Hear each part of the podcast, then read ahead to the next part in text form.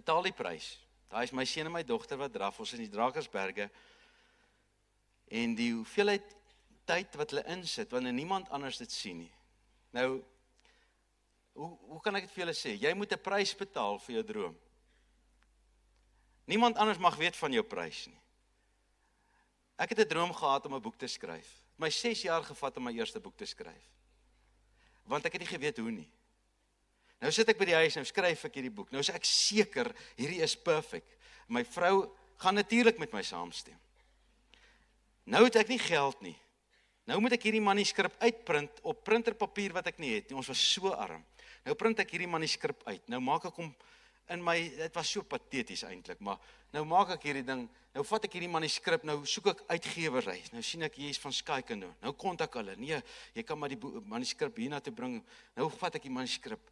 Nou dink ek ek is die enigste een wat 'n manuskrip vat. Nou vat ek die manuskrip en ek maak dit en ek sê vir hulle, nou gaan ons huis toe. Nou bid ons Here asseblief, laat hierdie manuskrip dat my boek kom uitkom.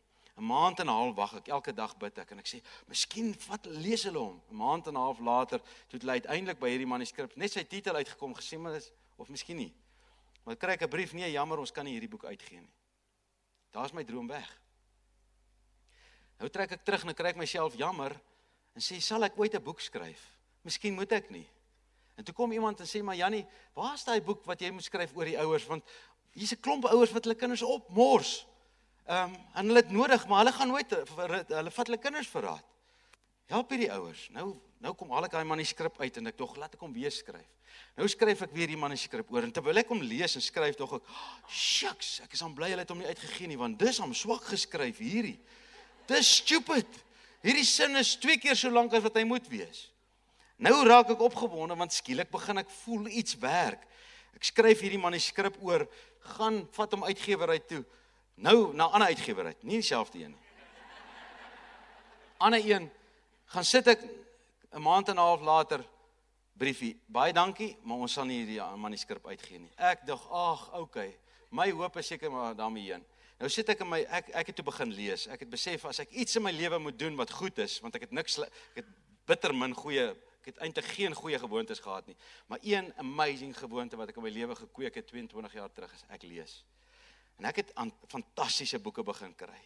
En in my kantoor sit ek toe eendag, ek sit sonder werk en ek wil nie pon kyk nie want my vrou werk. So ek wil kyk toe nou ek lees toe nou hierdie boek. Ehm um, nou lees ek hierdie boek en ek lees in hierdie boek.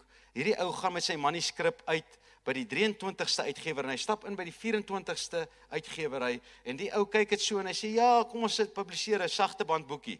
En hy sê in hierdie sagte bandboekie is die boekie wat jy tans lees, daar's meer as 30 miljoen kopieë verkoop in meer as 30 tale. It became a world bestseller.